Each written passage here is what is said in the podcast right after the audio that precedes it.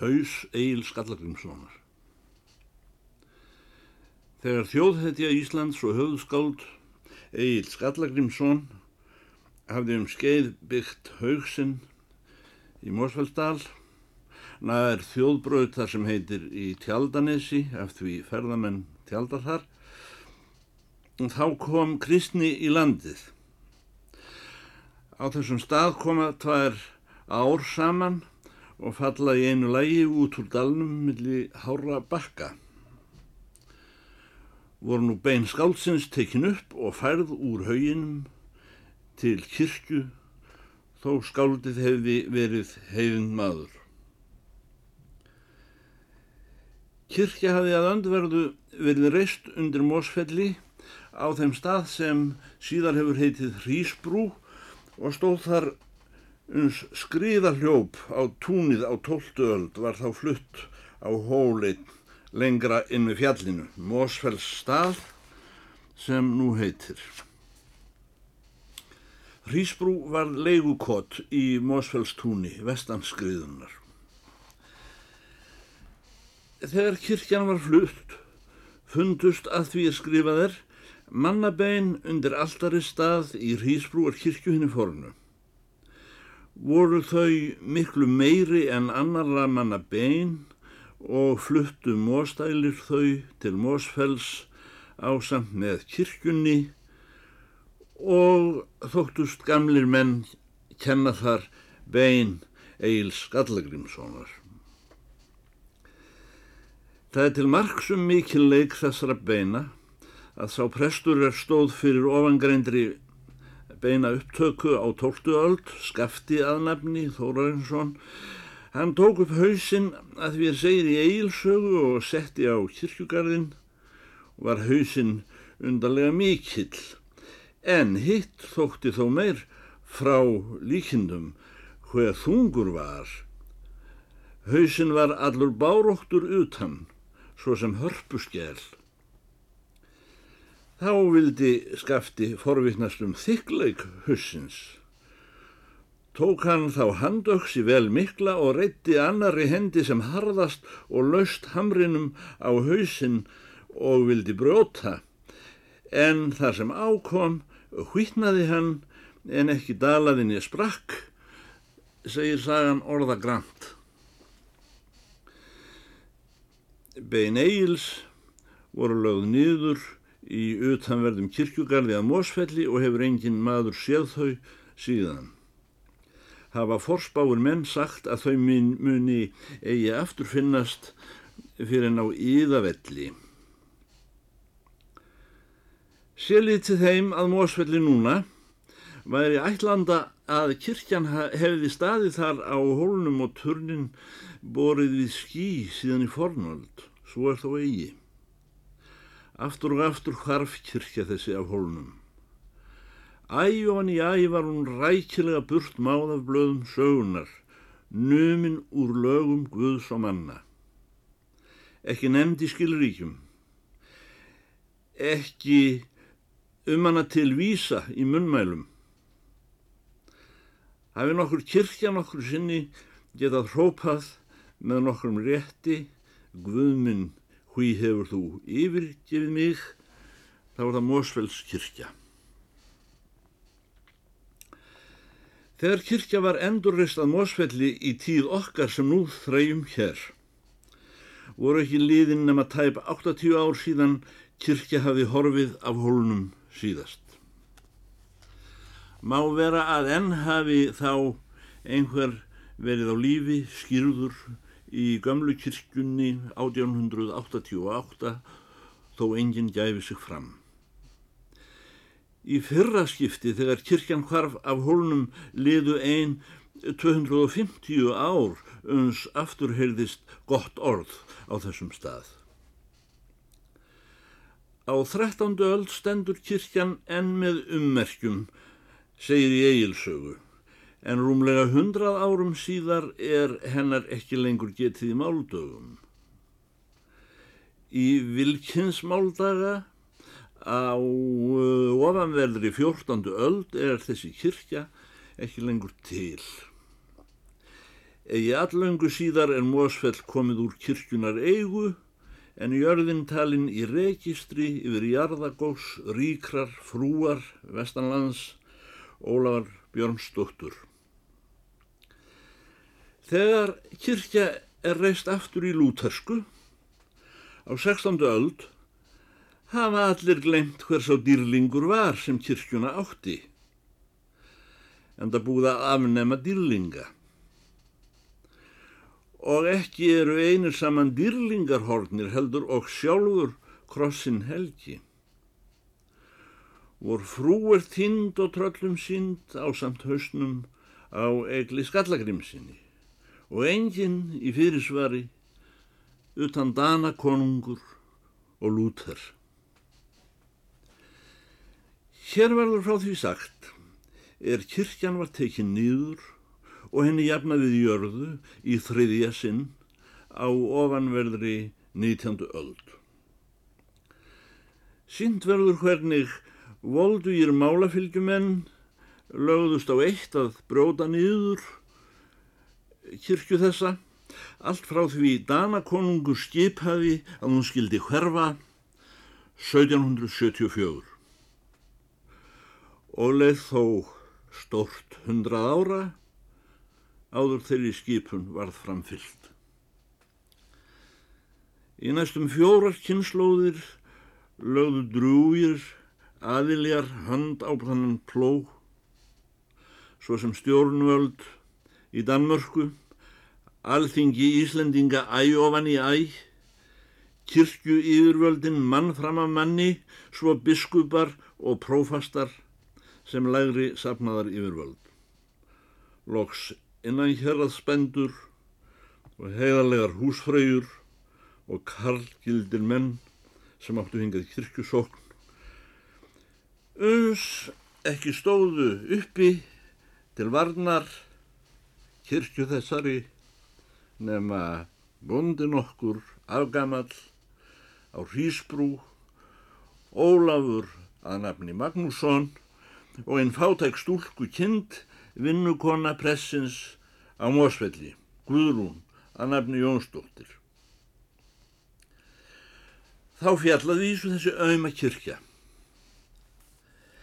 Margir telja að Guðs visku og langlundargiði hafi samt orðið nokkuð ágengt í þessu máli hér í Mósfeldal. Þó í setna lagi væri og mætti heimsbyggðin vel taka nótis af því, þó hinnir hafi og nokkuð til sínsmáls er annað higgja. Annar kapitúli Ljótt land, framþróun ókunn. Hóllinn, sunnan undir mósfelli þar sem kirkjan stendur, sangarað sér meira sólskinni en aðrir hólar jafnvel um vetrarstóldöður er oft sólskinsblettur á hólnum. Eh, partabæðinir sem svo héttu, öndvert mósfelli, hinum eigin í dalnum, hafa skugga af þeim fellum sem þeir standa norðanundir. Þeir sem búa sunnanundir fjalli eru venjulega nokkuð spælnir, en hinn er spældir sem kallað er á Mosalsveitarmáli, þar sem ekki sér sól tíu og upp í átján vikur á ári. Í svona skuggalágu partabæirnir þrýr og þar hafa nútímamenn reist hilsuhæli handa munaðalösum börnum og þjökuðum barnakonum. Þó dimt hafi verið á partabæjum þar sem jafnan byggu fátækastir menn dalsins lágu þeir á jarðhittasvæði og er hiti partabæja hver annan nútalinn í tölum sem minna á reikning ljósára í geimnum. Í þann tíð vantaði fólk hér í dalnum flesta þá hluti sem nú eru taldir til mannlífis.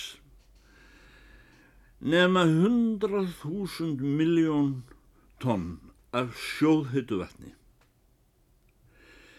Í hundrað þúsund ár rann vatn þetta dýrmætara en allar kólanámur í stríðum strömmum út til sjáar.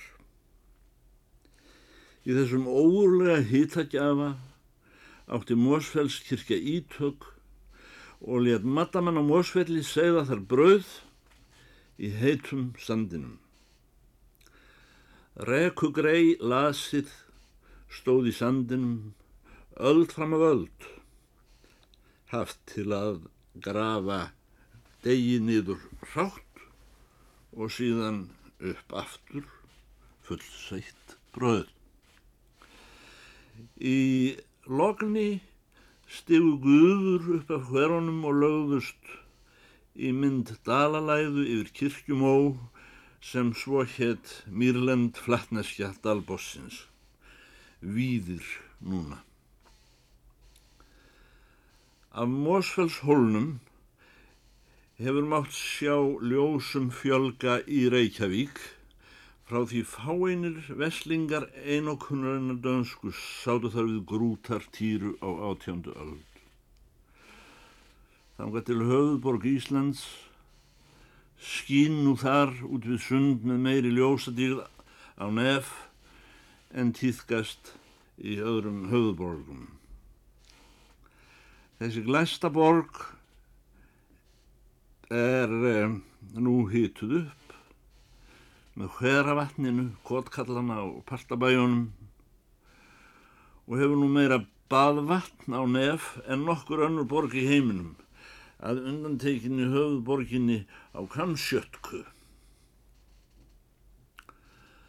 Austan Mósfellsdals hefjast óbyður og á kirkjan þangað heiðalönd, auðnir og fjöll áföst öröfum landsins. Sé frá Mósfelli farið bent í austur, sést ekki til bæja fyrir nú segðisfyrði. Uglust hefur drópið smjör og hunang af hverju strái handa vættum í dal þessum eins og öðrum dölum Íslands áður menn kom í landið. Kornrækt var stunduðum aldaraðir hér í dalnum. Bóndanum í Lagsnesi fyrir botni dalsins miðjum var á 14. öld gert að leggja fram tvær tunnur öls og reyða til þingvalla handa hirðstjóranum á bestastöðum að drekka á alþingi. Þegar gróður í hafiði verið eitt, öldum saman og ekki neitt látið vaksa í staðinn, lagðist ölgerð niður í lagsnesi á 15. öld og var þeirri stefnu haldið áframtanga til í tíð þeirra manna sem nú lifa að túnið var gert allt torfpælu og grasvörður af því seldur til Reykjavíkur. Í lokmiðalda, þegar búið var að naga landið í rót og spilla því með öllum tiltækum hernaðar aðgerðum eins og nú er gert í Vietnám og heila sveitir voru orðnar örfoka, fórum hann að lifa eins og Robinson Crusoe á nýja leik. Þeir letu sér næja að róa út og draga þessa anskotans fjóra í staðin fyrir að rækta korn og hitta öl. Þannig letuðu dumma aldirnar í gegn og glemdu meira að segja að baða sig í 700 ár þó þeir hefðu meira heitt vatn en nokkur þjóð á jörðinni. Engin leið lág í raunir eftir fram og engin aftur í svona dal. Framþróunarkenningin var ekki fætt og takmarkið var að standa í stað, í hæsta lagi líkjast öðum sínum. Presturinn á Mósfelli var sjálfgerður höfðingi dalsins, hortmannum líkaði við hann betur eða ver að sumuleiti utanstæður við mannlegt félag launaður af yfirvöldunum. Mannum var innborið að líta upp til bókvits síðan í fyndinni að þjóðin var rík og samti bækur. Einhvern veginn læriðu samt flestir að lesa þó þjóðarmórallin væri nú orðin bókviti fjandsamlegur og jafnvel hægt að messa á latínu í Mósvöldskirkju. Nú var latína, uh, þó presturum verið sáður kunnana, orðin eins og galdur sem hefur mist máttin. Þá var enn ekki búið að finna upp hugssjónir. Slikt orð var ekki til. Náttúrufegur var ekki heldur til. Engin hefði skilið orðið þó til hefði verið sem það reyndar ekki var. Það voru þær aldir þegar mann trúðu því að búlandstindur væri ljótur og að andstykkilegur staður eins og mývatn hefði orðið til af því að fjandin mjö á móti sólinni. En draugar voru sendir í gullfoss. Aldrei dætt nokkru manni í Mosulsdal í hug að hafa fórustu fyrir öðrum mönnum um neitt, hvort heldur til íls eða góðs. Engin maður, borinn og barnfættur í þessum dal, komst í sveitarstjórn fyrir en Andrés á Hrísbrú í minni þeirra sem nú lifa. Bæirnir voru úr torfi nema einstöku hefði gestastofu kalda þar sem gestir voru látni sitja þanga til slóaðum. Allstaðar var sofið í bastofu, ofta á bálkum. Segja sumir að þessir menn væru ánæðir með einföld klæði og bræðaðist óbrotin fæða sín og þó þeir heyrðu hanagal og hundgá úr öðrum sveitum langaði þá e ekki þangað eins og stendur í tá. Höfðstafurinn var kallaður fyrir sunnan og að fara þanga hér að fara söður þó líkur höfðstafurinn nokkur negin í vestur úr sveit þessari. Þjóðgata lág til skamstíma norðan megin í dalnum, áleiðist til borgarfjörðar og síðan norður í land. Þar fóru lestamenn, voru höst sem eru fjarlægum síslum þar sem en eiga stórbú og peninga og fara söður og kaupa vöru út í hönd við hagstæðu verði upp á marga hesta. Þessum lestaferðum fyldi andblær af öðrum heimintunglum og lestir úr fjallægum sveitum halda áfram að tósast gegnum dalin. Stundum sátu móstælir á hlaðhellum sínum og sumrin úr að gerað reipum og tóku ofan fyrir langferðamannum. Einu sinni reyði Jónas Hallgrímsson hjá. Hann orti svo. Bóndin situr á bæjar stjett, bindur hann reypi, nýtir hann hnúta, heiður upp í sæti sett, konan ætlar að kaupa sér fyrir að klúta. Að vísu munu flestar konur í Mosfellsdal hafa átt einn silkiklút. Silkiklút átti að minnstakosti svo kona þar í sveit sem mig grunaði síst og verður síðar getið.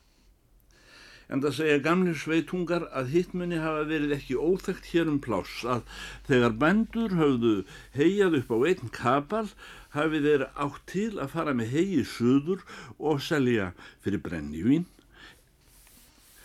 Að kvöldi lögðar á stað að sunnan aftur tvívega ofan á reyðingnum með pittluna á lofti. Stundum ringdi. Þeir duttu að baki í kortúlstaða á að minnstakosti vöknuður oft að morgni í grætni laud þar hjá vaðinu á anni. Þegar þeir vöknuðu voru þeir dálítið þurr í kverkonum og flaskan tóm en hesturinn tindur, stundum einnig hundurinn. Þeir fengu sér að drekka úr kortúlstaða á og fóru gangandi heim í dalinn Hesturinn og hundurinn og konan tóku á mótið þeim í hlaðvarpanum. En aldrei komst, komust þeir svo langt fyrir minni tíð að selja grasvörðin af túnum sínum. Af klúknum handa konunni far ekki sögur. Þriði kapitúli. Ekki einu sinni engil skjáta á röldi. Trafík byrjar. Sámaður er nefndu til sögunar Ólafur hefur heitið Magnússon, ættaður úr gullhreppum. Hann bjóðað hrísbrú. Þess er áður getið að ekki væri nema skriða millir túna, Mósfells og hrísbrúr. Á hrísbrú má heyra hundgá og hanagal pressins sem og klukku Mósfellskirkju betur enn á öðrum bæjum. En það let Ólafur bóndi á hrísbrú, ekki lengi býða sín, er klukka var hrefð á Mósfelli. Þegar hann fór til kirkju fór hann æfinlega í sparifötinn, stutt af ámálstreyju nokkuð víða, kragalausa og nefta í hálsmálið, með heimagerðum bentölum og í loku buksum eins og Napoleon Mikli. Hann hafði mjóan vangakraga eins og mun hafa tilhyrt gerfimanna upp úr aldamótonum fyrri. Honum lá ekki vel orð til flestra manna. Þó talinn óáreitinn nema átti alla tíð í útistöðum við Mósfellspresta út af ágangi, búpenings og öðrum ójafnaði sem hann taldi sig verða að þóla að prestum þessum og þeir af honum. Hann lífði marga presta og þó þeir væru menn hver öðrum ólíkir gerði hann aldrei neitt mun á þeim. En talaði um einn og sér hvern þeirra eins og um flokkværi að ræða. Og æfinlega með sama tignar heiti í flertölu þessir anskotar Aldrei girti Ólafur á hrísbrú tún sitt en var þeimmun reyðubúnari með hund og hrossabrest engum við búpenning pressins. Ef Ólafur grilti eitthvað kvikt í skriðunni utan þjóðgötu, held hann að það væri presturinn að rekka á sig fjö og var höndum uppi. Ókunnugar kindur sem velkunnu að slæðast í hrísbrúartúnið beitti hann hundum og kom fyrir að þeir eldu heila hópana upp á fjall þar sem ekki var strá og nöppuðu sig þar. Hestar fældust skellina í rossabrestinum og stukku yfir allt hvað fyrir var en kýr hlupu stundum í keldur undan þessum látum.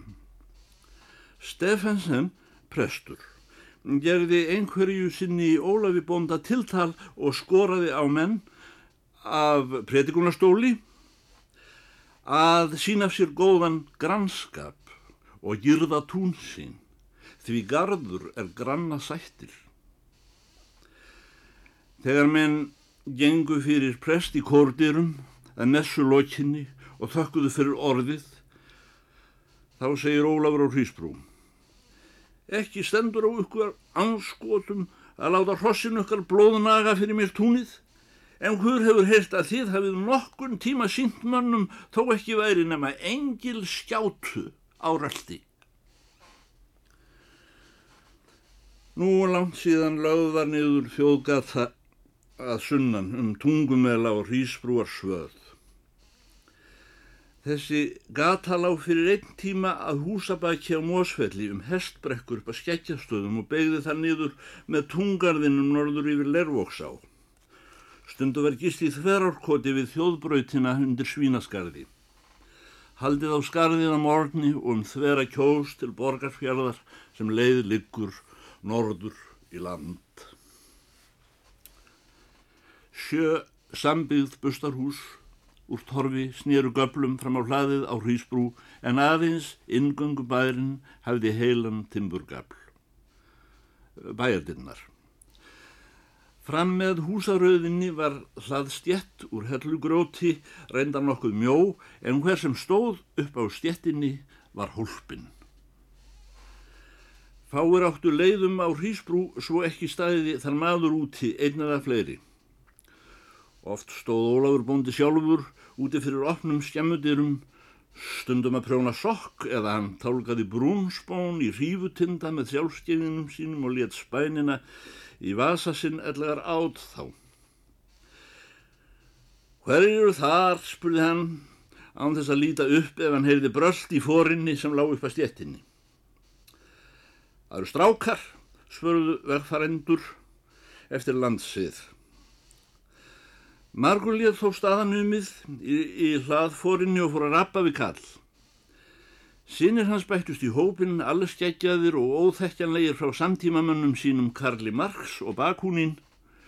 Þar voru líka tengdafaðir í húsin, þar var líka tengdafaðir í húsinu því hér voru dætur, þó væru þær ósynlegar. Tengdapappi var merkur læknir sunnan með sjó og sagði stundu frá undraverðum taðkúrum og torfkúrum sem þeir stunduðu þar síðra og komið þessi læknisráð einhverjum að haldi þegar háskóla læriði lækna, lækna skólapiltar og yfirstötu konur höfðu gefist upp.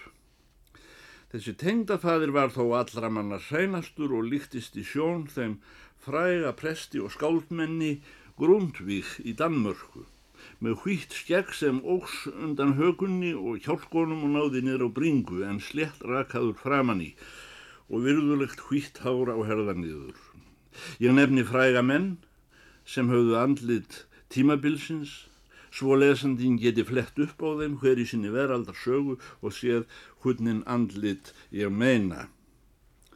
Hrísbrúingar voru heldur þægilegir í viðmóti, nema Ólafur Kall þegar hann var að skattilðast við prestin, en hefðu unga sérstakar löngun til að draga menn upp úr svaðinu fyrir utan stjettina og bjóða þinn til stofu.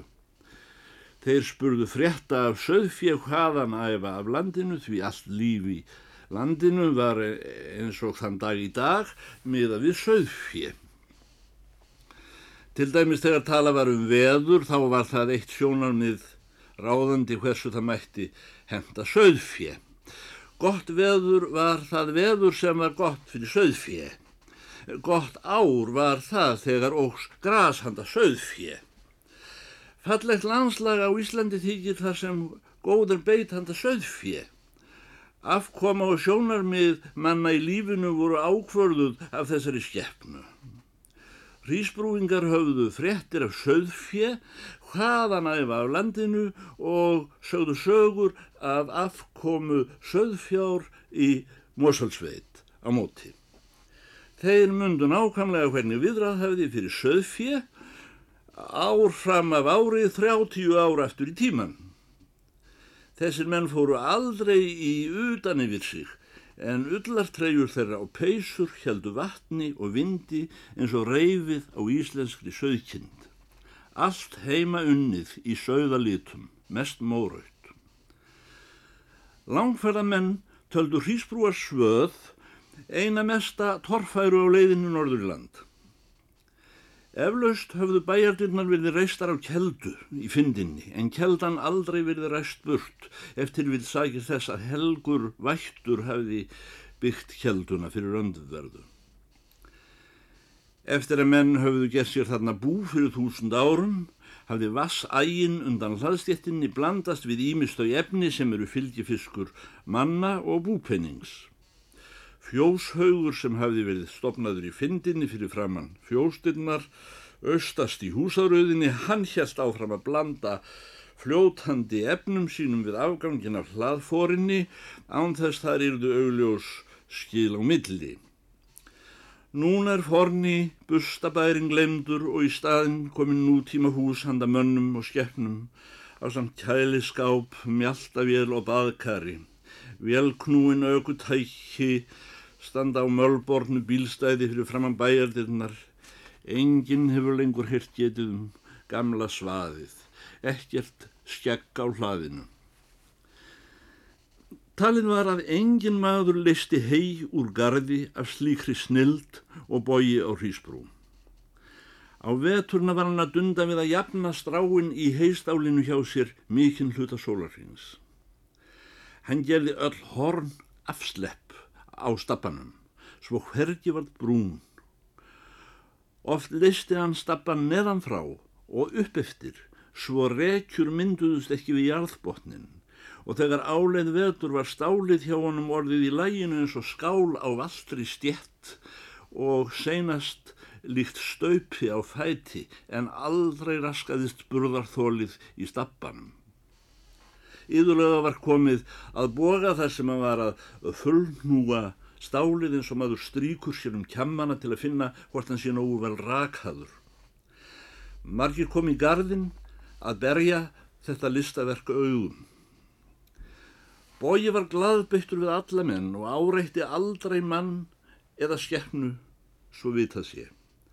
Hann sá heldur illa talinn hafa verksjón en ekki lestrasjón, þekkti menn oft ekki sundur og talaði eins við alla menn, engum átti hann bátt með að greina sundur unlinga.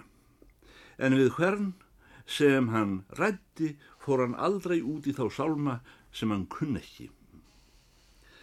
Andriðs þótti fyrir þeim hrísbrúarfeðgum og svaraði með mestum skörungskap bæði þrá hlaðinu og annar staðar en það var hann sem áður getur fyrstur imborinn að móst dæla til að komast í hrefsnemnd í héræðinu. Hann átti meira að segja bækur og fekk fleiri bækur þegar hann var sextugur. Hann tók oft fram rítið menn og mentir eftir Páleikert Ólason sem hann fekk í afmæliskjöf frá hreppnum og lofaði mönnum að vega bókina í höndum sér og finna hvað hann var þung. Margir öfunduðu hann af að vera í hreppsnemnd. Hann kefti sér skósvíðan frakka að hafa í hreppsnemndinni. Þegar hann hafði starfað nokkur ár í nefnd þessari sagði hann þó Hreppsnemndin er ekki neyn skemmti nefnd. Allra síst eftir að bæði trafík og konkurensi er farið að gera vart við sig í hérðinu.